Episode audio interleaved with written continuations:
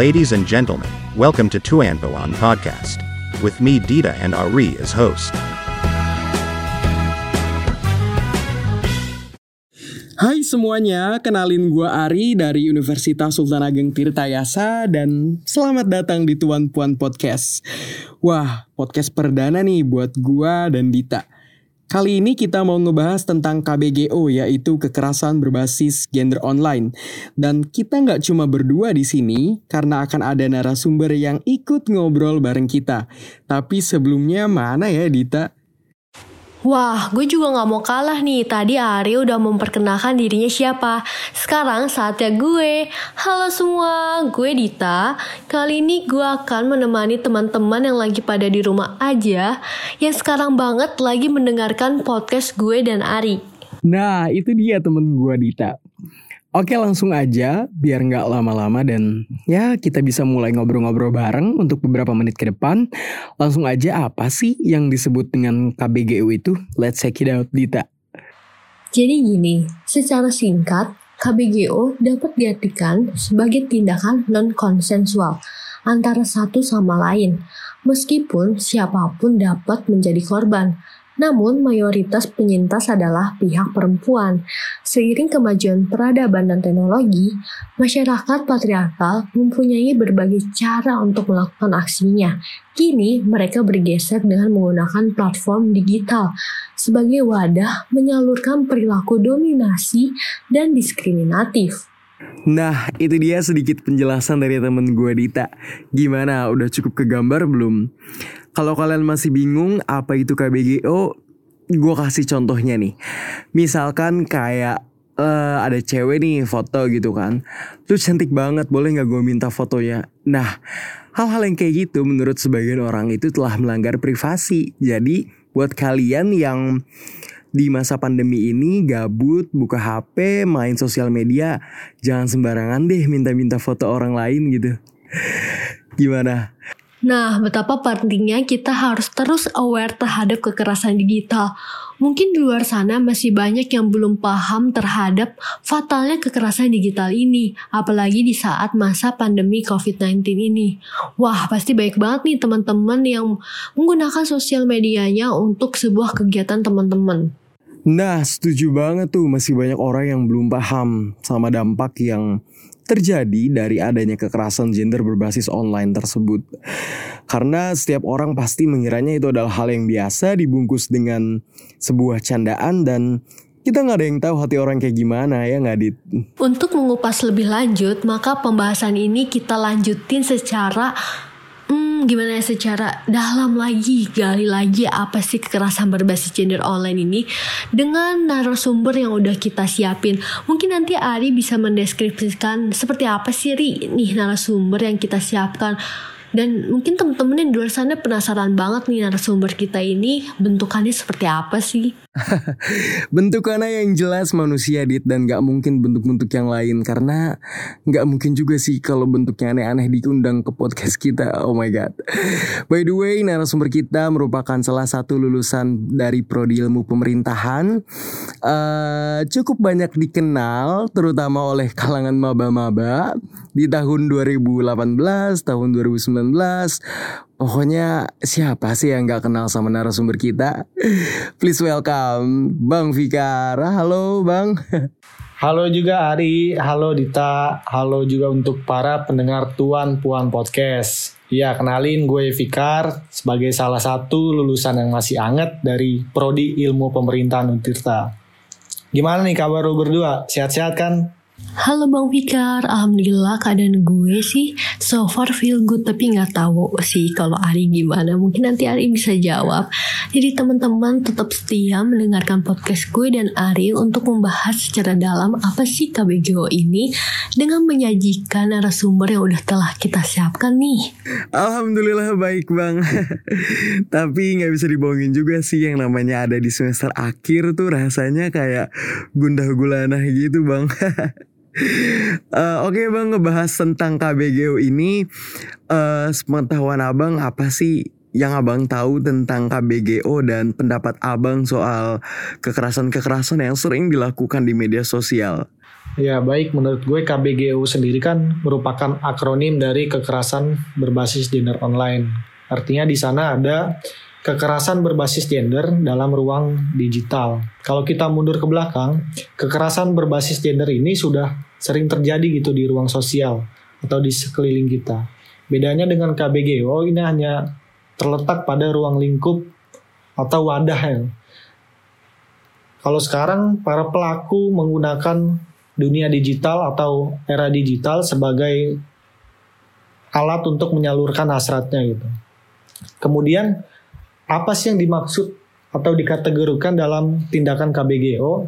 Secara prinsip tindakan KBGO bisa dikategorikan adalah tindakan yang non konsensual atau tanpa persetujuan dari satu pihak dengan pihak yang lainnya. Artinya satu pihak yang menjadi penyintas ini merasa dirugikan dengan adanya interaksi yang tanpa persetujuan tersebut. Kalau kita ambil contoh, ini sering terjadi di sekeliling kita atau di hubungan-hubungan para remaja lah gitu. Ada salah satu pihak atau salah satu jenis kelamin yang pada umumnya ini adalah laki-laki ya. Kalau kita lihat jumlah kasus yang terjadi, sering mengirimkan konten-konten vulgar berupa apa pap-pap kalau bahasa sekarang pap alat vital itu tanpa persetujuan kepada perempuan. Artinya ketika perempuan merasa ini tanpa persetujuan, artinya ada hak mereka yang di ada hak mereka yang terganggu karena tindakan tanpa konsensual tadi. Nah, letak kerugian atau letak kekerasan dalam konteks tersebut adalah pada perempuan yang merasa dirugikan karena mereka tidak menginginkan hal tersebut. Artinya mereka terganggu secara psikis, ganggu secara visual dan masih Setelah banyak lainnya. mendengarkan penjelasan lu tentang KBGO, nah ada satu kata yang menarik banget nih yaitu konsen. Nah, menurut lo, seberapa penting sih konsen bagi kita, apalagi kita yang sering berinteraksi di dunia digital ini? Iya, jadi konsen ini menurut gue penting banget ya atau menjadi dasar bagi kita untuk berinteraksi baik di dunia nyata maupun dunia digital. Contoh sederhananya gini, ketika misalkan ada satu orang itu masuk rumah orang tanpa persetujuan, hal itu bisa dikategorikan sebagai tindakan yang salah dalam aspek apa pun gitu. Nah, tindakan si orang tersebut dengan masuk rumah tanpa izin atau tanpa persetujuan itu terlepas dari motif apa pun yang dia lakukan terdapat kerugian baik secara moral maupun material yang dialami oleh si pemilik rumah. Entah si pemilik rumah merasa terganggu atau tidak nyaman atau bahkan bisa berpotensi si orang tersebut melakukan tindakan-tindakan yang tidak diinginkan. Misal mencuri, melakukan kekerasan. Nah, dari prinsip dasarnya saja sudah dilanggar gitu, apalagi ke depannya dalam berinteraksi. Itu contoh sederhananya. Sama halnya dengan KBGO atau kekerasan berbasis gender online. Ketika kita berinteraksi dengan pihak-pihak atau lawan main kita tanpa disertai dengan konsensual, itu berpotensi mengganggu kenyamanan seseorang. Minimal itu. Atau bahkan bisa berpotensi juga melakukan tindakan-tindakan yang dapat merugikan secara psikis gitu. Seperti halnya mengirimkan foto-foto nude tadi yang di awal sudah gue bahas. Jadi pada bulan-bulan kemarin ini ada satu kasus yang menimpa seorang selebritis dan sangat fenomenal banget nih. Jadi kasusnya itu tersebarnya video pribadi dia. Padahal perempuan ini korban tetapi dia juga kerap kali disalahkan. Itu gimana tuh tanggapan lu? Iya, jadi gue juga ngikutin sih kasus-kasus itu. Itu sebetulnya udah sering banget terjadi di dunia-dunia digital, bukan hanya terjadi pada selebritis. Tapi yang menarik adalah pola yang selalu hadir tuh cenderung sama. Artinya begini, si selebritis perempuan tersebut tidak menginginkan videonya tersebar. Otomatis dialah se sebetulnya yang menjadi korban atau penyintas gitu kan. Simpelnya gitu. Tapi kemudian masyarakat secara digital atau secara langsung menyalahkan si selebritis perempuan tersebut karena lalai atau segala macam. Nah, di sini letak persoalannya. Kita bisa tarik apa penyebab dari pola-pola tersebut terjadi adalah pertama, kita tahu bahwa budaya patriarki masih sangat masif dan belum hilang. Dampaknya adalah budaya patriarki bisa muncul dan berkembang juga di ranah yang digital. Hal tersebut sama halnya dengan kasus-kasus pemerkosaan, di mana sering kali perempuan yang menjadi korban justru disalahkan entah karena pakaiannya atau karena tingkah lakunya yang menggoda para lelaki. Padahal kan kalau kita secara logika dan secara hati nurani pasti menyalahkan si lelaki yang menjadi pelaku. Kenapa kita kemudian tidak menyalahkan pola pikir mesum si lelaki tersebut dalam kasus tersebut? Sama halnya dengan video kasus video-video tadi di mana para penyintas atau si selebritis perempuan tadi tidak menginginkan video yang bersifat privat itu disebarluaskan oleh pihak-pihak yang ber, tidak bertanggung jawab. Artinya di situ jelas ya tidak ada persetujuan atau non konsensual. Tapi kemudian yang disalahkan justru si penyintas. Nah, ini kan kita bisa lihat fenomena tersebut merupakan bagian dari akar budaya patriarki yang masih berlangsung. Kita tahu bahwa perempuan yang selama ini selalu menjadi objek. Nah, menurut gua contoh tadi itu gila banget sih. Bener, bener kata Bang Fikar itu gimana ya? Itu berawal dari sebuah video pribadi yang kita punya secara pribadi ya memang ya itu video gue gitu dan kenapa orang lain malah malah nge-share gitu dan itu udah itu udah ngelanggar privasi banget sih menurut gue. Dan dampaknya juga kan ngerugiin yang punya video begitu. Wah, gue masih penasaran apa aja sih jenis-jenis KBGO yang lainnya? Karena tadi Ari udah menanyakan tentang jenis-jenis KBGO, sekarang gue akan menjabarkan kepada teman-teman apa aja sih yang termasuk jenis-jenis KBGO. Yang pertama ada ancaman dan paksaan seksual. Yang kedua, penyebaran foto atau video tanpa persetujuan. Yang ketiga, pemerasan melalui ancaman penyebaran foto seksual. Yang keempat, penyalahgunaan gambar intim. Nah, dari jenis-jenis KBGO ini pasti ada penyebabnya dong. Gue akan menanyakan ke Bang Fisher lagi nih terkait apa sih sebenarnya penyebab KBGO ini. Ya sebetulnya ada banyak sih faktor-faktor yang kemudian menyebabkan kenapa KBGO ini bisa terjadi. Tapi gue akan menyebutkan beberapa faktor utama atau yang inti saja yang kemudian menyebabkan KBGO ini terjadi di dunia digital. Yang pertama tentu ada budaya patriarki. Nah, budaya patriarki ini turunannya ada banyak ya. Ada objektifikasi terhadap perempuan, kemudian marginalisasi terhadap perempuan. Ya pada intinya menempatkan posisi perempuan pada kelas kedua dibandingkan laki-laki. Selama pikiran atau paradigma budaya patriarki masih berlangsung di tengah masyarakat, sulit untuk kemudian kita menghilangkan kasus-kasus KBGO ini yang terjadi. Kemudian selain budaya patriarki pun ada juga ketimpangan relasi kuasa. Ini bisa disederhanakan dengan contoh-contoh sehari-hari, misal antara dosen dengan mahasiswa, itu kan bisa kita lihat struktur kuasanya lebih dominan dosen. Kemudian ada senior dan junior. Nah, posisi-posisi struktur kuasa tadi juga cenderung mengakibatkan KBGO berlangsung, di mana ketika ada satu pihak yang merasa dominan, itu akan mengakibatkan suatu interaksi yang tidak berimbang. Artinya, ketika ada satu pihak lagi yang merasa dirinya lemah atau tidak berdaya, di situ akan menimbulkan potensi-potensi terjadinya KBGO. Karena tindakan-tindakan non konsensual bisa sangat terjadi dengan adanya ketimpangan relasi kuasa tadi. Yang terakhir adalah tidak adanya payung hukum. Nah, kekosongan payung hukum yang terjadi di Indonesia ini merupakan cara regulatif yang atau preventif juga yang bisa dilakukan oleh pemerintah dalam menanggulangi kasus-kasus kekerasan berbasis gender baik di dunia nyata maupun di dunia digital.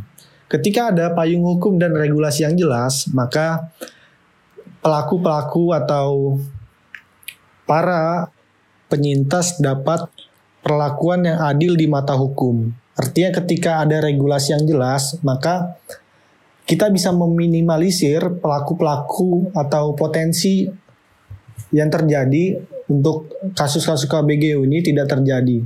Artinya nanti ketika ada payung hukum yang jelas, maka tindakan preventif terhadap kasus-kasus KBGU ini bisa diminimalisir.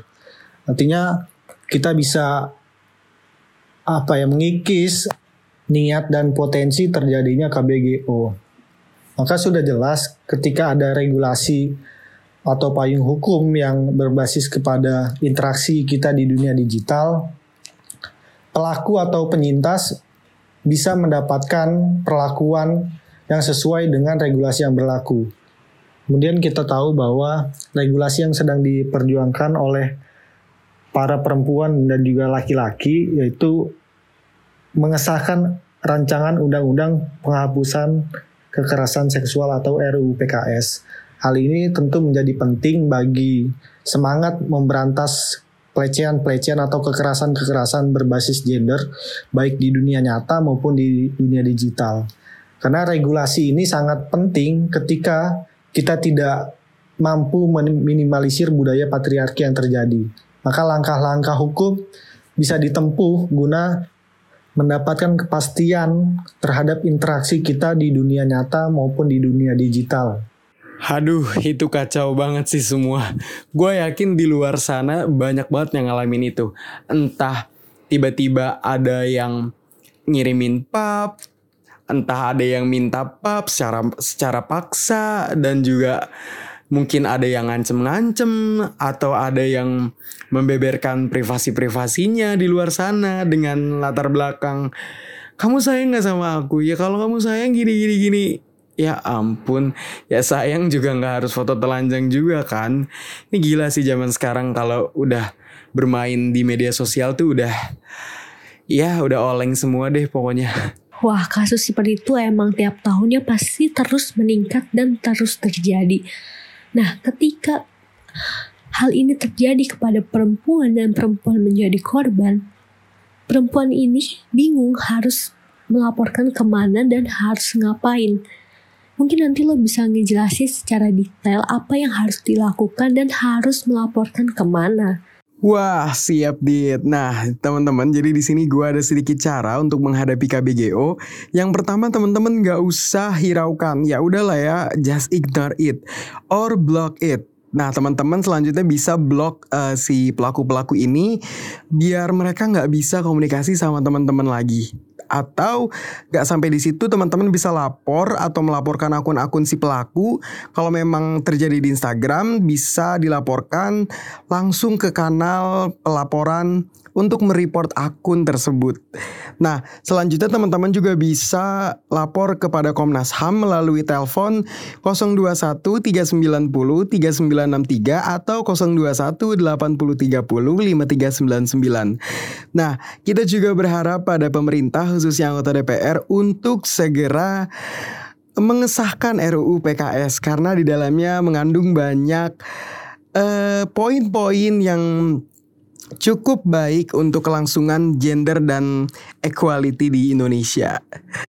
Dan yang terakhir yang bisa gue sampein ke kalian semua, ingat jangan panik, jangan risau, dan jangan khawatir. Kalian masih punya banyak seseorang yang baik di sekeliling kalian, kalian boleh berbagi cerita, kalian boleh meminta saran kepada teman-teman atau sahabat kalian atau bahkan keluarga kalian. Wah, untuk yang terakhir gue mau terima kasih banyak nih kepada Bang Fikar udah meluangkan waktunya dan memberikan ilmu kepada gue dan Ari serta teman-teman yang sedang mendengarkan podcast ini. Ya, justru gue yang terima kasih banget kepada kalian bisa diundang di Tuan Puan podcast kali ini dan memberikan insight kepada kalian. Karena menurut gue topik-topik seperti ini jarang banget diangkat oleh media-media mainstream. Padahal kasus-kasus seperti ini sangat masif terjadi di sekeliling kita karena banyak banget persoalan atau faktor yang menyebabkan si korban atau penyintas yang tidak berani speak up di depan publik. Dan yang terakhir, pesan gue untuk semua bahwa KBGO ini bisa terjadi kepada semua pihak, semua gender, dan tidak mengenal jenis kelamin. Artinya siapa pun bisa menjadi pelaku dan siapa pun bisa menjadi korban. Maka bagi tugas bagi kita adalah menanamkan nilai-nilai gender dan literasi terhadap penggunaan interaksi di media digital. Nah, mantap. Gila, keren banget ya narasumber kita, Dit. Semoga nggak minta bayaran gede sih edit. Oke bang, terima kasih banyak udah mampir di Tuan Puan Podcast. Gila, suatu kebanggaan banget sih bisa ngundang Bang Fikar ke Tuan Puan Podcast. Wah mantap bang. Oke teman-teman, nggak kerasa udah di ujung obrolan dan mungkin ini akan segera dicukupkan. Uh, kami mohon maaf jika ada kesalahan kata atau kekurangan dan semoga apa yang menjadi bahasan kita hari ini dapat bermanfaat bagi uh, teman-teman dan kita semua. Nggak lupa gue dan Dita juga ngucapin banyak terima kasih buat teman-teman yang stay dengerin obrolan kita sampai akhir. Dan sampai jumpa, tetap jaga kesehatan, uh, hindari kerumunan, tetap memakai masker, jangan lupa cuci tangan. Bye!